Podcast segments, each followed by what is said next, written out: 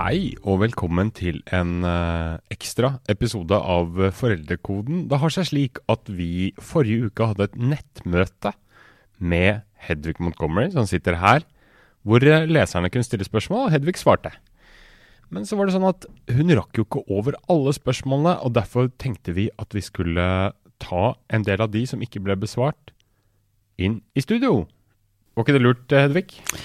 Jeg tenker det er én ting til, og det er at det var helt usedvanlig gode spørsmål. Det er spørsmål som eh, Da jeg leste dem, så tenkte jeg jeg skulle hatt alle disse foran meg da jeg skrev bøkene, for det er rett inn i det som er hverdagslivet, det som er ved kjøkkenbenken, det som er ved leggingen. Så eh, jeg syns spørsmålene rett og slett fortjener en bonusepisode. Ja, så bra. Vi skal prøve å ta for oss Vi rekker ikke alle, for det kom inn veldig mange, over 100. Eh, vi skal prøve å ta for oss en del som vi syns eh, speiler ganske bredt. Ulike aldre, ulik tematikk. Og da begynner vi her med en forelder til en femåring som sliter litt med at han ikke uttrykker så mye empati. Han har gode venner i barnehagen, skriver vedkommende forelder, og leker fint med lillesøster.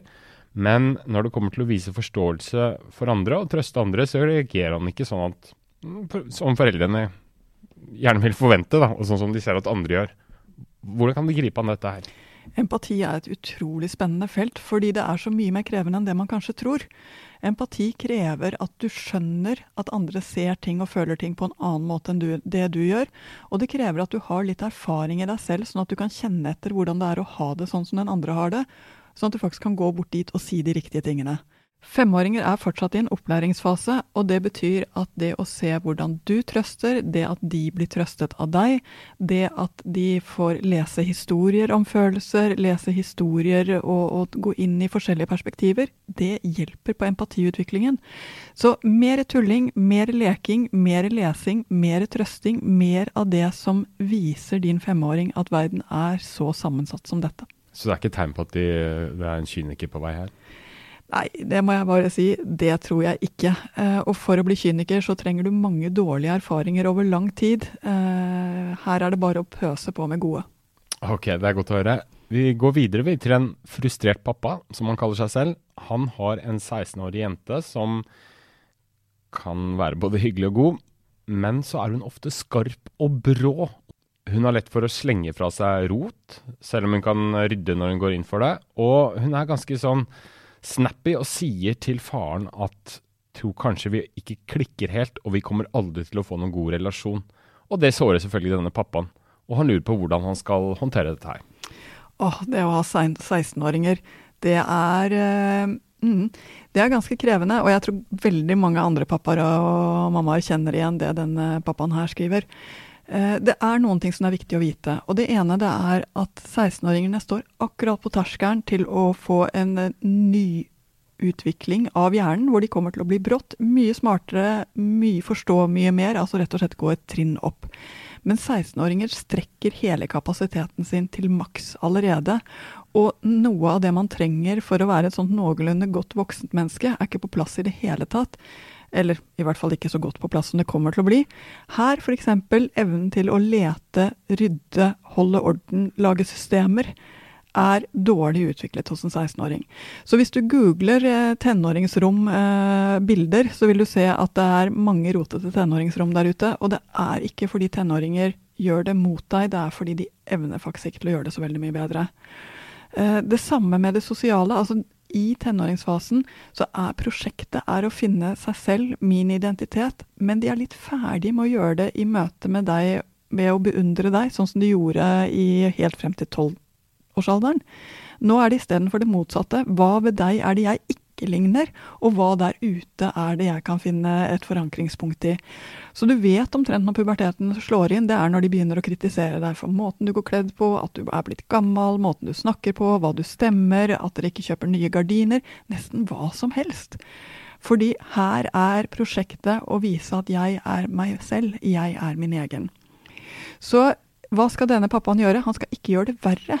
Tenk igjennom hva du virkelig trenger å påpeke, og hold deg til det. Ikke gå ned på detaljnivå og tenke at du driver med oppdragelse nede på mikronivå. Det er du helt, helt ferdig med. Det kan du faktisk ta fri fra.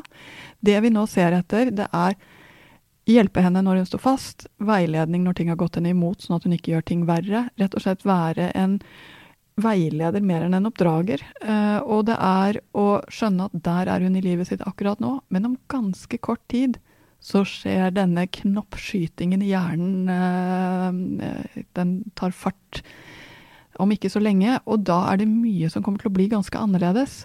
Jeg tenker ofte at det viktigste for tenåringsforeldre i denne 13-16-årsfasen, det er å ikke ødelegge relasjonen, men ta vare på de fine stundene. Mm. Så det er ikke nødvendigvis reelt det hun sier, at hun og pappaen aldri kommer til å få noen bra relasjon? Det tenker jeg ikke er spesielt reelt, men han kan gjøre at det tar mye lengre tid ved å bli for streng og for detaljorientert nå. Da er det Anna som har sendt et spørsmål.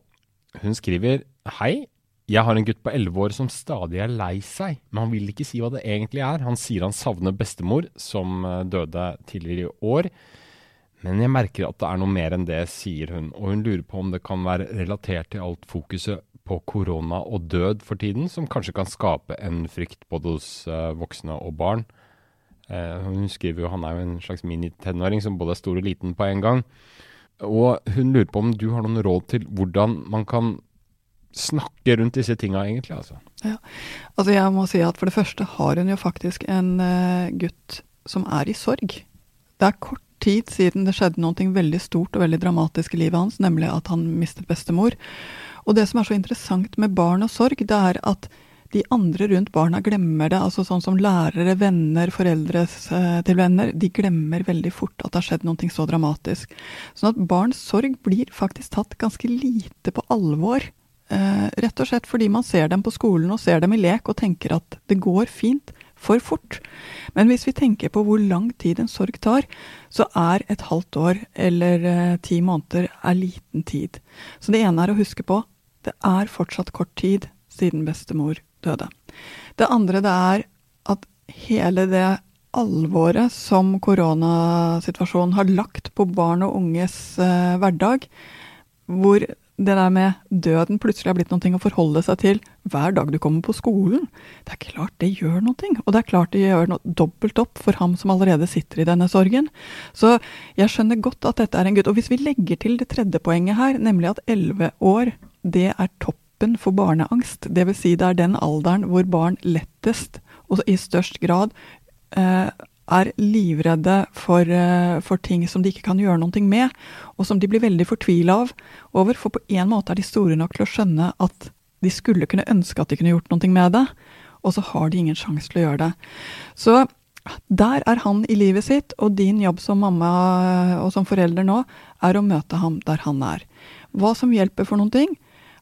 For det første, det å ha ritualer, gå på graven, tenne lys, se på bilder, rett og slett holde Gjøre det du kan for å vise at en sorg er noe dere deler, ikke noe han har alene.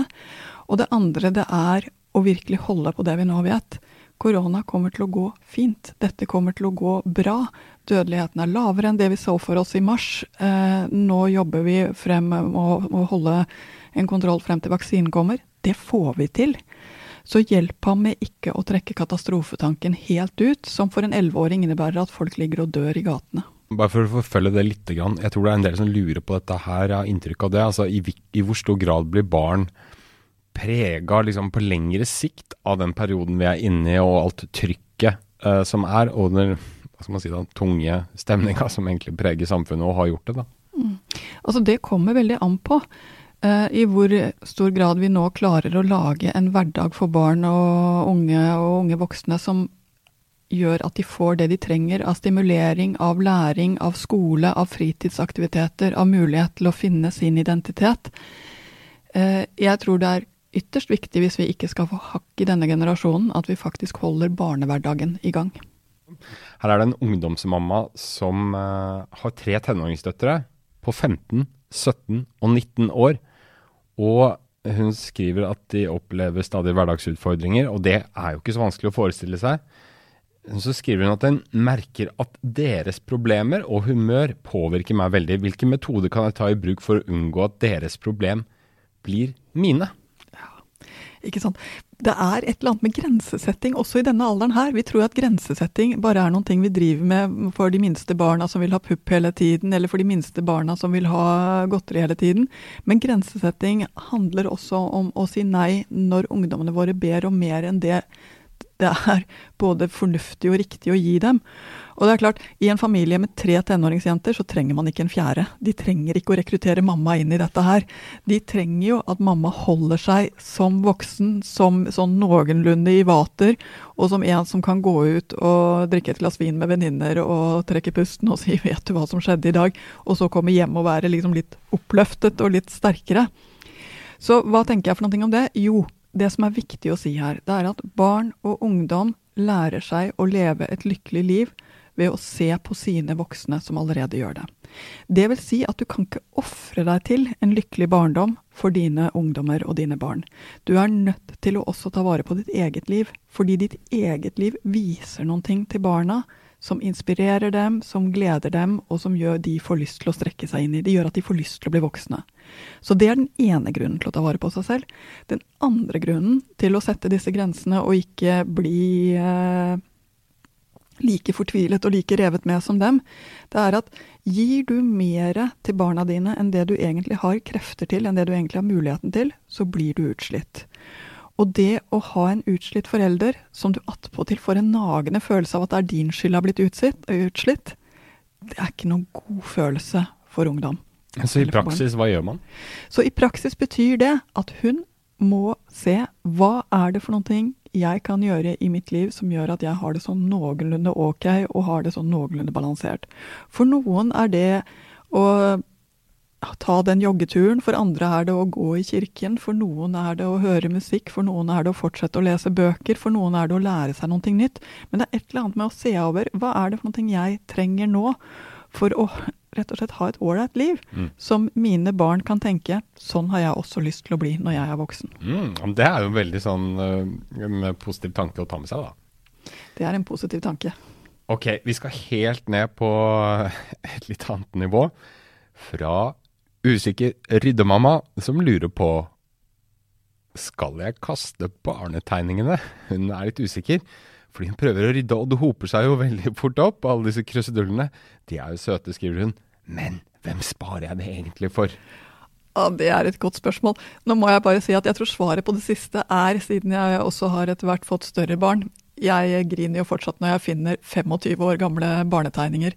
Eh, flaut, men sant, så er det for meg. Ja, jeg tenker jo at det er for en selv man gjør det.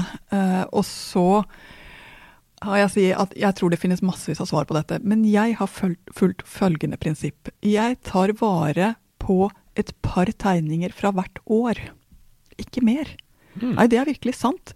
Jeg tar helt systematisk vare på et par tegninger fra hvert år til hvert av barna, sånn at jeg har bare sånn at jeg ser at det, at det har skjedd noen ting, og så plutselig så minner jeg den søte femåringen eller den ivrige elleveåringen.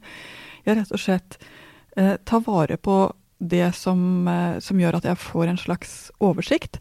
Og så tar jeg vare på det de har gitt meg. Altså ikke sånn fra dag til dag, men til jul eller bursdag, hvor de har laget tegninger til meg. Men da lurer jeg på noe. Hvis det er en tegning som åpenbart eh, var knytta en del følelse til eh, hos vedkommende barn, eller en opplevelse, f.eks. at de kommer med et ark med masse blå streker, så står det 'Dette er en blå kraft' jeg har ikke lyst til å ta vare på den, men så føler jeg kanskje at jeg burde det likevel, for det var et eller annet der. Eller er det fort glemt igjen, bare? Altså, jeg må bare si, Det er så utrolig mye i løpet av en barndom som er akkurat sånn. Uh, og vi gjemmer det jo i hjertet. Vi har det jo med oss. Vi trenger ikke hver eneste papirlapp for å dokumentere det, men vi trenger noe. Både for å kunne plukke det frem når vi trenger disse minnene, og også for å vise til de svigerbarna vi en gang får. Bare husk å få det signert med navn og alder, så er det garantert tåreperse i uh, all framtid.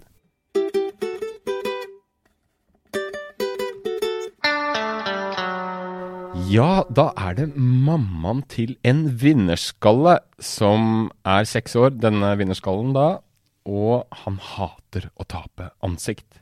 Det betyr at han misliker sterkt å tape, så til den grad at han nekter å delta i leker der man kan bli tatt. Altså f.eks. bli nappet halen av, eller eh, bli til en stiv heks, da, eller sånne type ting, kanskje. Hva kan vi gjøre for å hjelpe han til å innse at han er god nok som han er, og at han ikke trenger å vinne alt, men å delta for å ha det gøy? Vet du hva? Det kommer han til å skjønne etter hvert. Men det som er så interessant med seksåringer, det er at det er for første gang så begynner de å se seg selv fra utsiden for alvor. Så denne sterke opplevelsen av at tap er katastrofe, og den sterke opplevelsen av at uh, å ikke få til uh, har, har så stort omfang, det er helt nytt for seksåringen. Det henger sammen med hvordan hjernen utvikles, og det betyr også at denne evnen til å se at ting er gøy uten at jeg vinner, det er noen ting som modnes frem i løpet av barneskoleårene. Eh, så de fleste seks-sjuåringer går igjennom faser hvor dette er kjempekomplisert. Og hvor det å diskutere reglene, det å gråte og gråte og gråte så mye at det faktisk er pinlig, det er ikke noe uvanlig i denne, disse første skoleårene. Hva man kan gjøre? Trøste, si at man skjønner det, si at det faktisk ikke er så farlig. Eh, og la det få lov til å modnes frem. Så jeg tenker at de trenger faktisk ikke å gjøre så mye. Det henger ikke så mye sammen med hans selvfølelse. Det henger mer sammen med hjernens utvikling. Og dette betyr ikke at de har gjort noe galt, eller at han har noen dårlige personlighetstrekk, men det betyr at han trenger flere erfaringer av vinst og tap, av lek og moro, i den fasen som han er akkurat nå. Men det som ofte gjør seg gjeldende i en sånn sammenheng, det er jo, eh, la oss si at denne gutten går på jeg vet ikke, men går på allidrett eller noe sånt nå, og det er 15 eh, andre barn her, og alle andre det, er happy med dette og syns det er kjempegøy og sånt noe. Og så går, må du ut som forelder og trøste og holde på. Det kan føles litt sånn eh, Da man, føler man fort litt sånn blikk i ryggen. Ja, og det må jeg bare si etter å ha oppdratt tre barn. Det er rett som det er, så føler man litt blikk i ryggen. Eh, men så viser det seg at det var ikke så mye blikk allikevel. De andre skjønner jo at sånt skjer, og sånn er det innimellom. Og hvis de ikke skjønner det der og da, så kommer de til å skjønne det når det rammer deres familie om et halvt år eller om to år. Så jeg tenker at det det der der Vi får ikke gjort noe med barns modning annet enn å lage en trygg verden for dem og, og, gi dem stimulering som gjør at de ser at de blir litt flinkere, kommer seg litt videre, får til litt mer. Lure, lirke og leke. Mm, men bør man få de med i leken, eller bør man si at det er greit at ikke du blir med på akkurat dette her? Æsj, kommer an på hva du får til. Jeg hadde ikke vært så superambisiøs. Får jeg en med, fint. Hvis jeg ikke får en med, så kan han eh, sitte og lese Donald til uh, vi skal gjøre noe annet som han kanskje har mer lyst til å være med på. Edel T har et nytt spørsmål til Hedvig Montgomery. Hei, skriver hun. Hei. Vår sønn på tre er fryktelig opptatt av at alt må skje på en bestemt måte, og lager stadig nye rutiner vi må følge til punkt og prikke. Bryter vi disse, blir det tidvis ramaskrik med tårer. Er dette normalt, og hva bør vi gjøre? Det er i hvert fall mye vanligere enn det man skulle tro. Eh, og det kommer snart en spalte i Foreldrekoden i A-magasinet om akkurat dette, i hvert fall rett over nyttår. Eh, med en liten jente som må ha klærne på på akkurat riktig måte. Hvis sømmen sitter litt feil, så blir det katastrofer. Votter er bare et umulig prosjekt i denne familien. Og det er det for øvrig i veldig mange andre familier også. Jeg vet ikke at man ikke har klart å finne bedre votter i 2020. Nei, Votteprodusentene de må ta en tur i tenkeboksen. Ja, det føler jeg. Eh, sånn at er dette vanlig? Ja, det er noen ting med treåringer. For treåringene er fortsatt drømmere. De ser for seg hvordan verden burde ha vært. Ideelt sett så burde det ha vært mulig å balansere mobiltelefonen på toppen av et vannglass, og når det ikke går, så er det tidenes katastrofe for dem. Fordi det er en skuffelse som de ikke er forberedt på. Så om det er vanlig hos mange treåringer, akkurat dette her, ja, det forekommer mye, mye oftere enn det vi tenker. Og så kan det gå helt i vranglås. Og når det går helt i vranglås, så styrer det jo rett og slett familien. Så hva jeg tenker for noen ting? Ja, det ene det er å si OK, sånn er det. Dere har et barn som er opptatt av å ha ting sortert, ha ting i orden. Det kommer til å være en fordel senere. Det andre det er at uh, når, hun spør, når hun da, han da ber om bekreftelse eller uh, ber om å få det på sin måte, så må jeg bare si ganske ofte så er man rett og slett bare helt nødt til å si gjør det på den måten eller det, si det han ber om, men så si men vet du hva, det hadde gått bra uansett. Altså legge til den lille livsvisdommen som vi voksne har, nemlig at det går fint. Legge til den lille livsvisdommen som vi som voksne har, nemlig at det finnes mange måter å gjøre det på. For på et eller annet tidspunkt så begynner han å bruke den fleksibiliteten, begynner han å bruke den kunnskapen. At vet du hva, det finnes flere måter. Så jeg hadde bare beredt grunnen for den modningen som kommer til å skje, og beredt grunnen for at uh, vi gjør ting på flere forskjellige måter hjemme hos oss. Ved mm. å, å legge det inn i disse svarene. Og så må jeg si om det er vanlig, ja. Om det går over, i de aller, aller, aller fleste tilfeller, så går dette helt fint over. Og hvis det ikke gjør det, så er det å jobbe videre med hva det er for noe det handler om, som er neste trinn. Men hos treåringer, nei, her er det å jobbe med fleksibiliteten. Men av og til så må man kanskje bare tvinge det på dem, f.eks. våtteeksempelet, da. Bare for å få dagen i gang uten å følge deres bestemte rutiner hver gang, eller? Ja ja, altså med, med, treåringer så Nå må jeg bare si at votter vet jeg ikke Den kampen vet jeg ikke om jeg hadde tatt, men skal man ut i minus 15 grader, så er det jo rett og slett parkdress som gjelder, skal man, og votter som gjelder. Skal man ut eh, i kulda, så, så, gjør en voksenvurdering. Når må du rett og slett si at vet du hva, du blir sjuk hvis vi ikke gjør dette her, eller det går eh, det, det er ikke forsvarlig. Og det er jo en voksenbedømning vi hele tiden må ha. En treåring har ikke livserfaring nok til å gjøre den. Neste spørsmål er fra foreldre til en litt nærtagende og lett krenkbar niåring. Det er så lite som skal til for at den blir lei seg og fortvila over hva andre barn sier og gjør, og av og til legger vedkommende opp til det selv også, f.eks. å spørre 'er du glad i meg?' Og vedkommende som får spørsmålet, så var det selvfølgelig 'nei, nei' og da blir han lei seg igjen. Så dette er en sånn rar spiral, kanskje, men går det an å nøste opp i den? Ja, altså jeg må si at den lettkrenkbare niåringen har det jo faktisk ganske tøft. Fordi det er en aldersgruppe hvor barna grupperer seg mye, tøffer seg mye, prøver å finne ut av eh, sosiale ting. Eh, så det er en tung alder eh, å ta ting for bokstavelig.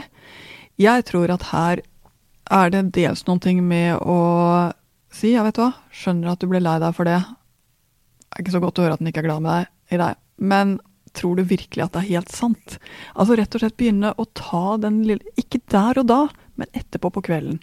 Altså Veldig mye med niåringer handler om å ikke ta det der og da, men bare se at ok, nå ble denne situasjonen feil, og vi fikk det sånn. Så da har du ikke så mye annet å gjøre enn å roe ned og, gi den trøsten og få det i gang igjen. Men senere, du i stad da du ble så lei deg for at lillesøster sa at uh, hun ikke var glad i deg, hva var det egentlig som skjedde? Uh, nei, hun sier alltid dumme ting til meg. Ah, men tror du på ekte at det er helt sant at hun ikke er glad i det? Hun elsker å gjøre de tingene som du gjør, og vil alltid ha de tingene som du holder på med. Tror du virkelig ikke at hun er litt glad i deg likevel? Jo, hun er kanskje det. Og det samme med venner som de føler har sagt dumme ting. Si det. Ja, jeg vet, av og til så kjennes det ut som ting kommer så voldsomt ut, og kanskje kom det litt feil ut også. Men det er jo ikke alltid det er sånn heller. Det hender jo at det er noe annet de har ment. Hva kan det ha vært noe annet? Altså rett og slett hjelpe litt til å se det fra forskjellige perspektiver, og ikke så rent svart-hvitt. Men du kommer ikke til hvis du ikke faktisk på ekte skjønner at det å bli lei seg er å bli lei seg. Da er det en mamma eller pappa som spør. Min datter på seks år er veldig perfeksjonistisk. Lekser må være perfekt. Ingenting er perfekt nok, og hun blir fort frustrert av å ikke klare ting helt perfekt. Hva skal man gjøre med dette? Seksåringer er helt nybegynnere på å lære seg. De kan ikke kunsten å lære seg å lære, som er noe av det man faktisk bruker nesten hele skoletiden til. Så hun vet jo egentlig ikke hva som er godt nok ennå. Hun bare legger listen på et fantasisted. Og det man bruker mye av tiden på, er rett og slett å finne riktig nivå for listen for akkurat dette barna. Så hva skal dere gjøre for noe? Jo, for det første, ikke vær så opptatt dere av at det skal være riktig. Er, uh, gjør leksene og si at nå gjør vi det vi rekker på disse 20 minuttene. Lengre klarer ikke en seksåring å jobbe, faktisk, så det er ikke noe grunn til å bruke mer tid. Når hun sier 'jeg ble ikke ferdig', så må dere si 'vet du hva, det gjør ingenting'. Du fikk gjort masse, se her. Uh, så dere må rett og slett vise henne at nok er nok, helt på ekte, uh, ved å avslutte, hjelpe henne å avslutte, for det er jo det disse perfeksjonistene har problemer med. De har problemer med å avslutte. Si ja, men vet du hva, det er faktisk bra nok. Ja, men læreren kommer til å si, og da må du bare si nei, det gjør hun jo ikke. Du har gjort akkurat det du skal for i dag, for det var det vi rakk. Eh, og så må du gjerne avtale med læreren og si at dette er et prosjekt som dere jobber med akkurat nå, nemlig å få henne til å være fornøyd med det hun faktisk får gjort, istedenfor å strekke seg inn i det hun ikke klarer ennå. At hun må får lov å bruke tid på å lære seg å gå de skrittene som skal til for å bli en god elev. Å bli en god elev når du er seks år, ligger langt frem i tid. Altså Betyr det at de som har en hang til sånn perfeksjonistisk atferd, eller hva man skal si, er det noe man liksom er født litt med, eller er det et sånn type personlighetsgreie, eller er det noe som de liksom blir kommer utenfra? Nei, jeg må nok si at det er ikke noe særlig tvil om at noen har mer av dette enn andre, og uh, at uh, det henger litt sammen med å være litt svart-hvitt-tenker også. Enten er allting bra, eller så er allting dårlig. Uh, det er synd, for veldig mye av det beste i livet ligger i gråtonene. Og det beste med dette her, det er at det er akkurat i denne 6-12-årsalderen hvor, hvor, barna begynner å legge seg til en tankestil, altså en forklaringsstil for hvor, hvordan verden er som den er, og hva de skal gjøre for at det skal gå best mulig. Så de er i en helt perfekt startblokkalder for å vise datteren sin at vet du hva, godt nok er godt nok. Og at uh, allting uh, har fortsatt tid til å gå seg til. Det går bra.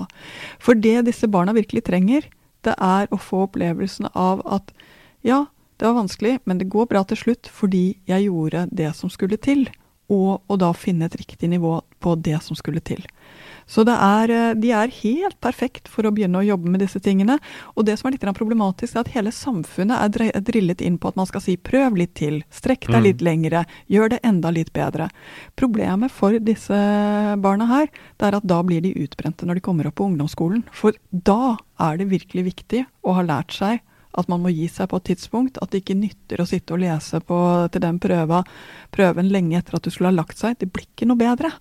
Eh, da trenger de virkelig å ha lært seg kunsten og si 'det var det jeg rakk for i dag', og vet du hva, jeg rakk faktisk ganske mye. Da har du et mye, mye bedre utgangspunkt for ungdomstiden. Mm, det er ikke så lett å være en motkraft til det, da, når det på en måte ligger liksom i bånn for hvordan vi har rigga til uh, hele vår tilværelse, i og for seg. Det kan du si, men foreldre har veldig stor innflytelse på barnas tankestil og på barnas utvikling. Kanskje større enn det vi av og til tenker selv. Eh, så jeg tror at vi av og til blir så opptatt av å være flinke foreldre at vi faktisk ikke blir det. Mm. Fordi vi blir best foreldre når vi tilpasser oss det barnet vi har fått. Og det er helt sant at det er ganske mange som sliter med det motsatte. De har barn som er kjempefornøyd etter at de bare har rabla litt på arket. Uh, når det de skulle gjøre var å fargelegge uh, alle, alle, feltene med to prikker, f.eks. Uh, og så er de kjempefornøyd, syns at de har gjort det. Mens de har bare brukt 30 sekunder og er ikke i nærheten av ferdig, ja, de trenger jo de motsatte. De trenger at du sier ah, 'fint at du begynte, men vet du hva, læreren trenger at du gjør litt til'. Altså, De trenger jo den motsatte beskjeden. Mens de barna som sitter og fargelegger og fargelegger og lager uh, helt presist innenfor uh, streken og bruker de første 20 minuttene på det første feltet, de trenger det motsatte. Vet du hva? Det viktigste her er at alle feltene har fått farge på seg som er to prikker, ikke at det er helt perfekt på hvert eneste felt. Så man må tilpasse hvem man er til hva slags barn man har, rett og slett. Ja, og her er et spørsmål fra en mamma eller pappa som har malt seg litt inn i et hjørne, tror jeg, føler i hvert fall, at de har en toåring som nesten krever å få se på noe når han spiser. Da vi har vært så dumme å la han se barne-TV mens han spiser, for å få i ham mat. Verken han eller broren på seks har vært noe lett å få i mat, eh, og vi jobber mye med middagsmaten. Har du noen tips til hvordan vi kan gjøre dette eh, enklere og mer smidigere, uten at det må glos på et eller annet? Jeg vet det det er eh, litt av et tema. Og tommelfingerregelen er jo måltider uten skjerm er best. Absolutt. På den annen side så må jeg si, etter å ha vært en del i Italia, hvor alle sitter og ser på TV når de slapper av og spiser kveldsmaten sin, så, så ser jeg jo at det er jo ikke noe naturlov at det er slik. Uh, men jeg tenker allikevel at prøv å si Vet du hva? Vi kommer til å snakke sammen uh, og tulle ved spisebordet. Ikke se på noen ting. Det gjør vi etterpå. Dere må rett og slett bare bestemme dere for å ta det grepet, og så er det kanskje to-tre dager hvor de syns det er skikkelig kjipt, men de glemmer det ganske fort, og så er de toåringen. Og dessuten så er det hyggeligere å bli smilt til og bli hørt på og, og uh, få lov til å være sammen rundt middagsbordet eller frokostbordet. Så jeg tror at det handler litt om å bare ta beslutningen og gjennomføre den. Og så er det kanskje lurt å bestemme seg for det viktigste måltidet først. F.eks. middagen er det vi vil ha sammen, og la frokosten få lov til å skli litt grann, hvis den ikke er så viktig hos dere. Altså se det litt grann an. Men jeg tror nok at uansett hva jeg sa for noe om Italia, det er lettere å regulere appetitten når du ikke blir distrahert mens du spiser. Altså kjenne etter er jeg sulten, er jeg mett? Og det er jo noe av det vi holder på å lære barna disse barnehageårene. Så det er nok absolutt verdt målet å få kuttet skjermen under spisingen. Men du, da lurer jeg på en ting. Er iPad verre enn TV? Nei, det tror jeg ikke. Så er det Marius som spør Hei, vi har en datter på tre og et halvt år som skiller veldig på oss foreldrene. Hun foretrekker at pappa gjør det meste, og hvis f.eks. mamma bader henne eller kler på henne, blir hun sinna og kan ha sinnautbrudd som varer lenge og vanskelig å bryte. Slik favorisering, hvordan eh, kan man gjøre noe med det? Altså, slik favorisering er dessverre veldig vanlig. Eh, og kan henge sammen med ganske mye av mange ting. Det ene er at barn av og til føler seg mer lik den ene forelderen enn den andre. Speiler seg mer den ene forelderen enn den andre. Rett og slett finner lettere connection med den ene enn den andre. Andre ganger så handler det om at barna føler seg sviktet av den ene forelderen. F.eks. For i forbindelse med at det har kommet småsøsken, så er dette ganske vanlig. Så her er det flere ting det kan handle om. Men jeg tror det viktigste er bryte opp strukturene. Vil si pass på å gjøre ting alene med barnet, hver av foreldrene, og passe på at den forelderen som er minst attraktiv, hvis vi skal kunne kalle det det, faktisk jobber litt med å bli kjent med barnet på nytt igjen.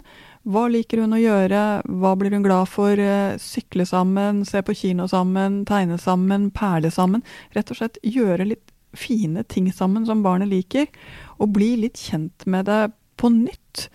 Eh, fordi man blir satt litt tilbake når man ikke har vært favorittforeldrene en stund. Man må liksom jobbe seg litt inn igjen, hvis du skjønner. Eh, og det andre, ikke, ikke la noen konstellasjon låse seg fast. Vær én forelder med ett barn, bytt barn, bytt hvilken forelder det er. Gjør ting sånn at barnet blir vant til at begge foreldrene legger, begge foreldrene lager middag, begge foreldrene kler på. Men i starten så må den forelderen som er mest favorittforelder, faktisk holde seg helt borte fra situasjonen hvis dette skal fungere. For hvis du har valget i samme rom mellom en du ikke er så glad i hjelper deg, og en du elsker hjelper deg, så er det klart, da blir det protester. Så dette krever rett og slett litt alenetid og litt eh, eh sånn ja, smart bli kjent med aktivitet for å komme tilbake igjen i posisjon. Men så vet jeg én ting til, og det er viktig å si. Det kan svinge uhyggelig fort. Den som er i varmen i dag, kan være ute i morgen. Og eh, det er rart med det hvordan barna tar til seg ofte det de trenger også i perioder. Eh, av identitet og av personlighet. Så det er ikke noe kjempeproblem i seg selv, det bare er slitsomt som det er sånn. Og det er fryktelig sårt å være den som ikke blir valgt. Vi skal over i en litt sånn vanskelig situasjon her med to tenåringsgutter. To stykker som er 15 og 19 år. Hun skriver at begge har vært litt sånn rebelske. Ting sklir ut på skolen, og det testes rusmidler. Jeg sliter med at jeg blir fryktelig sint og strammer inn på alt som kan strammes inn på av lommepenger, innetider osv.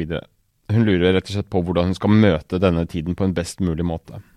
Jeg må bare si at dette er det er så satt på spissen og så sårt som det kan være, og så ensomt som det kan være å være forelder. For du føler deg ikke akkurat som eh, dronningen av gata når det er du som har eh, gutter som eh, bare er helt nødt til å bevege seg utenfor det normalområdet. Som bare er helt nødt til å teste de tingene som vi vet er farlige, og som vi vet er skummelt.